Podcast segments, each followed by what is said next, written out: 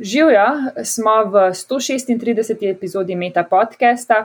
V teh korona časih ponovno snemamo od doma in ne obiskujemo različnih laboratorijev in različnih uh, fakultet. Uh, z mano pa je tokrat oseba, ki jo boste res boljše spoznali po novem letu, namreč pridružila se bo ekipi Meta podcasta. To je doktorska študentka na Kemijskem inštitutu na odseku za molekularno biologijo in nanobiotehnologijo, Nika Žibrat. Živijo, Nika. Živijo. Ok, pa da preden se pridružiš Meta podcast ekipi, da te še jaz malo bolje spoznam in vsi, vse naše poslušalke in poslušalci, kdo si in kaj počneš. Kaj raziskuješ? Živijo. Uh, prihajam iz Ptuja. Trenutno uh, sem pisana v tretji letnik doktorskega študija na biotehnički fakulteti, program bioznanosti, področje biotehnologija. Uh, raziskujem pa proteine NLP, To so natančneje proteini, ki v bistvu škodijo, ubijajo rastlinske celice, raziskujem pa molekularni mehanizem poškodbe rastlin in njihove plazemske membrane. Ti proteini so različni citolizini, ki škodujejo različnim rastlinam, kar po domače pomeni, da na membrani povzročajo celično lizo oziroma smrt. In uh, jaz kot sem nevedna, ne vem čisto točno, kam se uvršča to področje, torej molekularna biologija, biokemija, kam bi sebe uvrstila in kaj si študirala pred začetkom uh, doktorskega študija. Moja pot um, od začetka prve stopnje študija je precej v bistvu raznolika. Začela sem študijem prve stopnje živilstva in prehrane na Biotehnički fakulteti Univerze v Ljubljani, ampak sem že v drugem letniku pri predmetu biokemija ugotovila, da sem v bistvu na napačnem študiju in da me zares zanima ta biokemija, biotehnologija, v bistvu celotno to področje. Tako da sem se potem na uh, študij druge stopnje odpravila v tujino in sicer na Nizozemsko, na Wageningen University and Research, kjer sem študirala uh, biotehnologijo, natančneje specializacijo medicinska biotehnologija. Uh, področje, ki ga pa sedaj raziskujem, bi pa opisala kot mešanico biokemije in strukturne biologije. Torej, omenila si, da preučuješ nekaj, kar uničuje rastline, oziroma uh, ti ne preučuješ neke živali, ki bi jih jedla, ampak nekaj zelo majhnega, ki, kar je lahko um, strupeno oziroma toksično za rastline. Lahko kaj več o podrobnostih tega poveš? Sicer naši proteini, naše proteine kodirajo in jih izločajo v okolje fitopatogeni mikroorganizmi. To so bakterije, glive, omicete, ki same po sebi povzročajo različne bolezni na raznolikih rastlinah, ki so globalni problem. To so agronomsko pomembne rastline, kot so bombaž, krompir, paradižnik, kakav, vinska trta, soja. Recimo. Ker proteini NLP še nimajo znanega delovanja mehanizma toksičnosti na molekularni ravni, prav tako pa ni znano, kakšen kakšno vlogo sploh imajo v življenskem slogu oziroma v mehanizmu povzročanja bolezni, teh fitopatogenih, ki jih izločajo, je to eno zelo enigmatično področje. Zato je v bistvu zelo zanimivo, ker, kar, ker je zelo, zelo, zelo malo znanega. In kar mi probamo v našem laboratoriju ugotoviti, je ena. Ali imajo ti NLP proteini, ki jih je v naravi več kot 1800, skupni mehanizem poškodbe rastlinske membrane, in kakšen je ta mehanizem. Se pravi, mi se osredotočamo bolj na samo molekularno raven. Je pa tudi z drugih vidikov o teh proteinih mnogo neznanega. Prej si omenila, da izločajo jih tako bakterije kot glive, ne? kot če mhm. si omenila še nek organizem. Omicete. Čeprav razumem to, kar sproščajo oni v okolje, na kakšen način to poteka. Tako. Kako se sploh te, te bakterije, te drugi organizmi se kar znajdejo na rastlinah, ali kako to izgleda, če mogoče bolj plastično opišeš? Ja, tako da je v bistvu te rastline so niša za te mikroorganizme, v bistvu naravna flora, ki v bistvu raste na tej rastlini, oziroma lahko preko kontaminirane zemlje se v bistvu prenašajo. Mi vemo, da se ti proteini izločajo na, eh, na površje oziroma izven teh eh, mikroorganizmov na podlagi signalnega peptida, ki ga najdemo v samem genetskem zaporedju teh proteinov. Ta signalni peptid nakazuje, da ga v bistvu eh, mikroorganizmi izločajo na površje. In ali to kakorkoli koristi mikroorganizmom, da pa lahko te uničene rastlinske liste oziroma rastlinske celice uporabi vem, za svojo prehrano ali kaj podobnega, ali to se še ne ve? To je ful dobro vprašanje in to se še ne ve. Ne, nekatere, nekatere raziskave kažejo, da bi znala biti povezava, ker razloča, izločajo te proteine tudi mikroorganizmi z različnimi življenjskimi stili. Nekateri so simbiotski, nekateri so nekrotrofni, se pravi, se hranijo z rastlinami. Tako da je v bistvu to zelo raznoliko na večjih področjih in zaenkrat še ni znano, kakšen je v bistvu vpliv na življenje samega mikroorganizma teh proteinov. Omenila si dve vprašanje, ki si jih zastavljaš. Ne? Eno je, kakšen je sploh mehanizem um, te citotoksičnosti teh proteinov na, na celične membrane rastlinske, če sem prav obnovila. Drugo vprašanje pa je struktura. Pa deva začeti s ta prvo. Torej, kako se sploh lotiš iskanja odgovorov na to vprašanje, ki jo imaš, kakšne metode uporabljaš oziroma Zdaj, prvo moramo omeniti, da je to prvo vprašanje, ki sem ga postavila, eh, doktorat v bistvu kolegice Tine Snoj, tako da o tem jaz kaj preveč ne morem govoriti. Um, je v bistvu ona do strokovnjakinja za to, je že proti koncu svojega doktorata. Um, jaz se pa posvečam predvsem vezavnemu mestu in Eh, strukturnim spremembam na proteinih ob morebitni vezavi na rastlinsko membrano. Prva stvar, če želimo raziskovati protein, je, da pridobimo seveda protein. Temu uporabljam standardne biokemijske metode, kot so tehnologija rekombinantne DNA, rekombinantnega izražanja proteinov s pomočjo bakterijskih celičnih kultur, v katere transformiramo gen tega proteina in ga potem s pomočjo enih kemikalij induciramo, da se izraža, potem ga eh, sčistimo, z pomočjo uh, razbijanja celic, sonikatorjem in pa uh, počistimo ga z kromatografijami različnih vrst, ali je to afinitetna ali velikostno izključitvena, potem pa protein karakteriziramo. Zato uporabljamo spektrofotometrične metode, kot so cirkularni dikroizem, diferenčna dinamična fluorimetrija. Eh, in pa jih potem tudi želimo funkcijsko ovrednotiti, to je potem tisti del, ki nas zanima. Funkcijske teste izvajamo na različne načine, lahko uporabljamo rastline tobaka, s pomočjo katerih za infiltracijo v apoplast listov eh, lahko vidimo, če so proteini sploh strupeni, toksični za celice. Um, lahko izmerimo prevodnost v teh delih listov, v katere smo dali protein, in tako vidimo, če je membrana postala propustna, če je to posledica um, škode, ki jo naredi protein na membrani. Potem za vezavne študije na liposomih, to so takšne umetne membrane, ki jih pripravljamo iz lipidov s katerimi probujemo simulirati rastlinske membrane, uporabljamo test sedimentacije in pa površinsko plazmonsko resonanco in pa metodo tudi mikrofluidike, s katero, eh, katero izvajamo v sodelovanju z inštitut, eh, Inštitutom za biofiziko na medicinski fakulteti Univerze v Ljubljani. A te lahko prekinem? Uh mhm. -huh. Zdaj si naštela ogromno nekih zelo strokovnih um, besed, uh, pa bi jaz mogoče probala samo mal prevesti začetek. Torej, na začetku imaš ti genski zapis tega proteina, tega citotoksičnega uh, NLP-ja, ne, kako se ja. imenuje, yeah. in ga daš v neko bakterijo. In ta bakterija proizvaja, potem pa sprožiš nekako, da ta bakterija postane tovarna za ta tvoj protein. Tako. Tako. In potem, ko imaš ta protein, je treba, ker gre to za, za, za popolno um, uh, mes, kako bi se temu rekel, uh, v, v glavnem uh, polno smetije še okoli, nimaš ja. samo proteina, ampak še ostale zadeve, moraš nekako uporabiti neke tehnike čiščenja tega, da dobiš samo protein na koncu. Tako, tako. In potem z različnimi, tukaj ne bova šla v podrobnosti, različne metode imamo, da lahko določimo, uh, kakšna je izgradba tega proteina, torej kakšna je struktura. Mhm. In to ti delaš, ne? Ja. Poleg tega pa potem še naknadno, ko imaš, predstavljam si, neko večje število teh proteinov, verjetno ne daš ravno samo enega na, na, na liste tobaka, ampak ko jih imaš več zbranih, jih uh, neko rastlino jih izpostaviš tem proteinom in spremljaš, kaj se na rastlini dogaja na različne načine. Ja, super, si ja. to povzela. Ok, ok, sam to, da, da, da razumemo, o čem govorimo.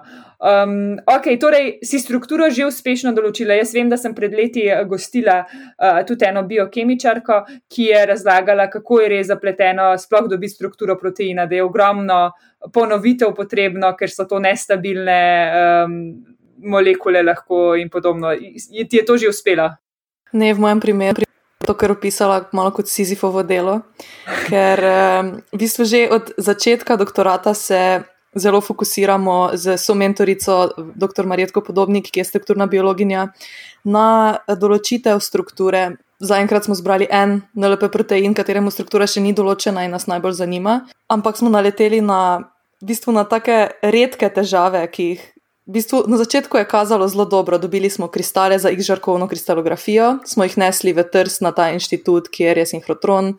Um, potem pa smo ugotovili, da so v podatkih neke anomalije, ki so nam onemogočale v bistvu določiti strukturo, in to se je zgodilo ne enkrat, ampak bi rekla 60 kristalih, ki smo jih izmerili, tako da je res malo nesrečano. Zgledalo je obetavno, ampak nismo še pa uspeli, ampak strajamo. Pa mogoče veš, zakaj se to dogaja, kakšno predvidevanje? Ja, temu se reče strokovno twinning. To je sicer, ko se dva, dva kristala istega proteina zarasteta skupaj ampak ne na simetričen način, uh Mhm. -huh. malo zamaknjena in je s pomočjo matematičnih algoritmov oziroma formul, ki jih ponavadi uporabljamo, ne mogoče določiti, kateri atom, v bistvu, po domače povedano, katera, uh, kateri odsev pripada kateremu proteinu. Uh, in je ne mogoče razločiti, v bistvu, kaj je res pravilna struktura. Mhm, mhm. Ok, zelo zanimivo. No, držim pesti, da ti, da ti to enkrat uspe, oziroma uspe pred zaključkom doktorata, ne, da, da rešiš ta problem. Ja, na zdaj smo nek v način, bistvu ne? tudi malo. Um, Malo smo seveda izbrali alternativne pristope, kot to moraš veliko krat eksperimentirati v znanosti.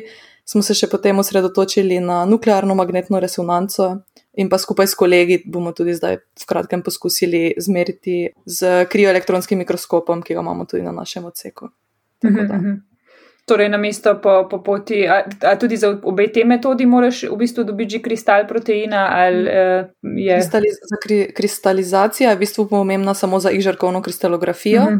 Za krioelektronski mikroskop in nuklearno magnetno resonanco pa lahko to izmeriš v bistvu v, v raztopini. To, to določanje strukture proteinov je kar eno tako zelo zanimivo biokemijsko vprašanje, ne? ker prek strukture lahko potem funkcionalno zgledaš, če jaz prav razumem. Tako, to je naš namen. V bistvu kombinacija strukturnih podatkov in funkcionalnih testov na, lahko ogromno pove, in mi upamo, da bomo v tem primeru znali razrešiti vsaj del tega vprašanja, kako um, poteka vezava, kako potekajo poškodbe. Se vsi vežejo na enak način. Mm, mm, mm. In uh, ko so že prišle do funkcionalnosti, kako pa grejo ti eksperimenti? Omenila si, da, da uh, imaš neke rastline, ki jih spremljaš in jim uh -huh. dodajaš proteine. Uh, ja, tako. Uh, v bistvu od Nacionalnega inštituta za biologijo um, mi dobimo uh, rastline tobaka.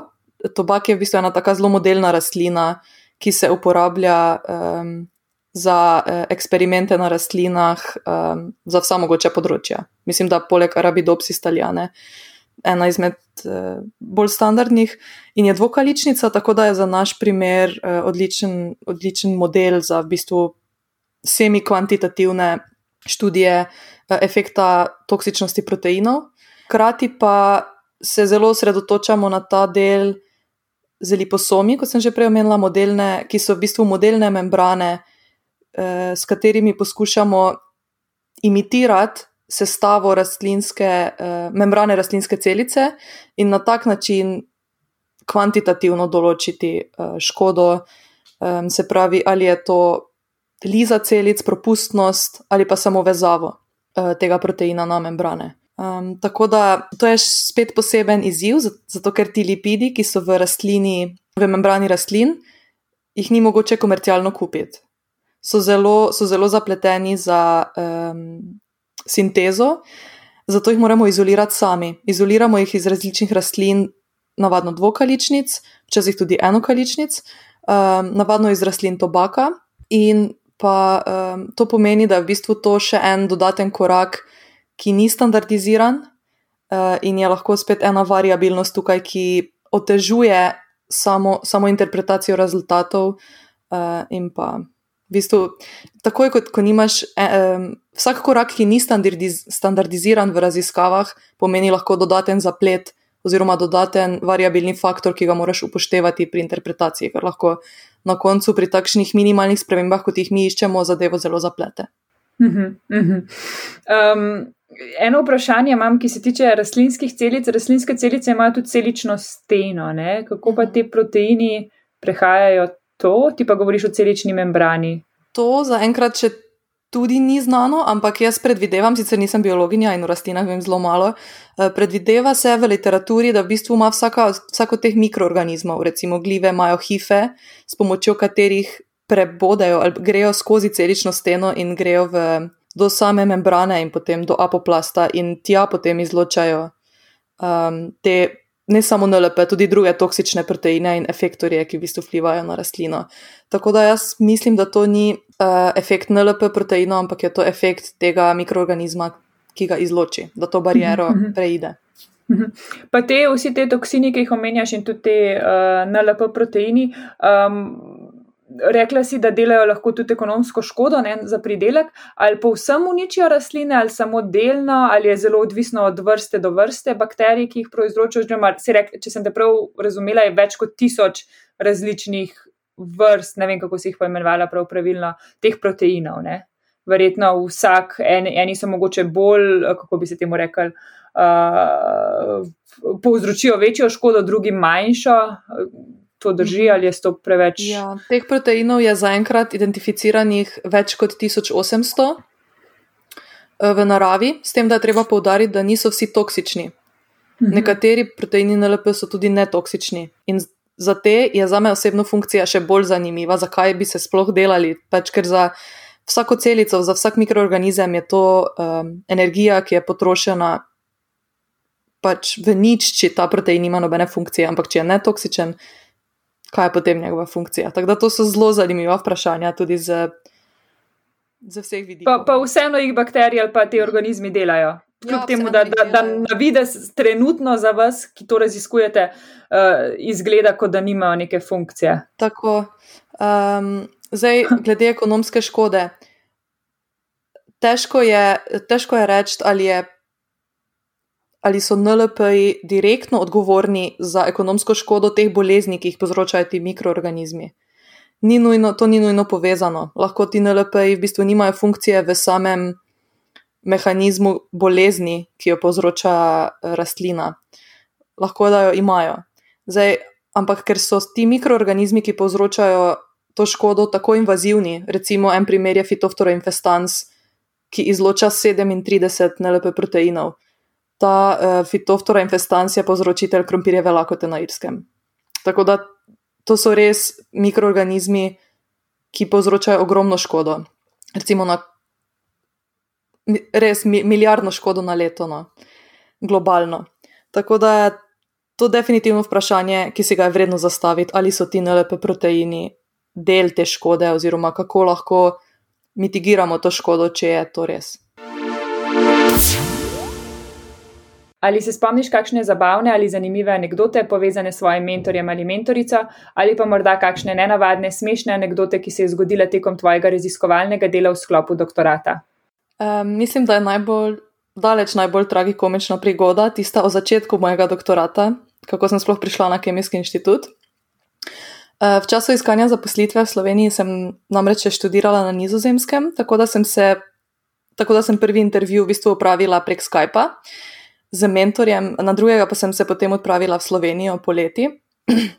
Plan je bil tak, da imam ob sedmih zjutraj letalo iz Amsterdama, ob devetih pristanem na Brniku, lepo na Izi v Ljubljano, ob enajstih na razgovor. No, zjutraj ob štirih, petih zjutraj sem se sedla na vlak in že takrat sem se začela počutiti malo čudno. Ko sem prišla na skipol, pa sem čutila že konkretno slabost in sem mogla s kočkom dobesedno šprintati, da sem našla prvo stranišče. Tako sem ugotovila, da imam zastrupitev s hrano. In ta check-in in varnostni pregled na letališču sem komaj, komaj preživela, parkrat sem mogla prav ven z vrste in potem nazaj. Ko sem pristala v Ljubljani, me je prišla, hvala Bogu, iskat sestra Teja.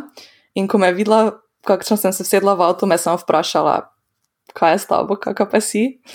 Eh, no, potem je ostala v lekarni, da sem vzela neke antiemetike v upanju na izboljšanje, ampak izboljšanja pač ni bilo. Potem sem me odložila na Kemijskem inštitutu, Um, zdaj v podrobnosti ne bi šla, ampak lahko samo rečem, da se ne spomnim najboljše vsebinske um, vsebine razgovora. Spomnim se samo, da sem si govorila, ni mi slabo, ni mi slabo. Um, malo še zdrži. Na to, na to me je še mentor prijazno um, povabil na ogled celotnega inštituta, laboratorijev. Nisem mogla reči ne, seveda se spodobi in me je sodelavka Aleksandra vodila še po stopnicah gor dol po hiši. Um, Tako da ja, Potem Ampak po... si preživela ta, ta intervju. Ni še konec. potem, ja, potem po intervjuju, seveda, um, sem, sem prišla po par uh, postajah, um, sem prišla do izhoda In smo sestro bili zmenjeni, da izkoristimo ta čudovit um, sončen dan v Ljubljani. Namesto tega smo še na tu na urgenco, ker je mene od vse slabosti in napora, pač, ki pride z tem, ko imaš zastrupitev s hrano, uh, uščipnilo v križu. In sem rabila protibolečinsko infuzijo, pa tudi infuzijo za antiemetik, ali kako se temu reče strokovno. Potem sem šla domov, sem spala 12 ur in se naslednji dan zbudila, odprla mail in videla, da sem dobila službo. No, vsaj to. da, oh. ja, v prvi vrsti se moram za res zahvaliti sestri tej, ker brez nje, po moje, če bi mogla z avtobusom iz Brnika, pa potem še na LPP, ne vem, če bi do razgovora sploh prišla. No. Ja, no, čestitam, da si ga opravlja tudi v takem stanju. Um, kako so se od opisa do danes spremenila tvoja pričakovanja glede doktorskega študija in ali bi se ponovno odločila za doktorski študij? Uh, moja pričakovanja glede doktorskega študija se niso spremenila, ker sem se aktivno trudila, da jih niti nisem imela ker sem vedela, da ima vsak svojo izkušnjo, ki je odvisna in od mentorja, od laboratorija, od tematike, pa tudi veliko od sreče in od ljudi, s katerimi delaš. Edino, kar se je mogoče spremenilo, pa je moja predstava, uh, kako je po doktoratu in med doktoratom, v bistvu, kakšen si ti kot doktorant.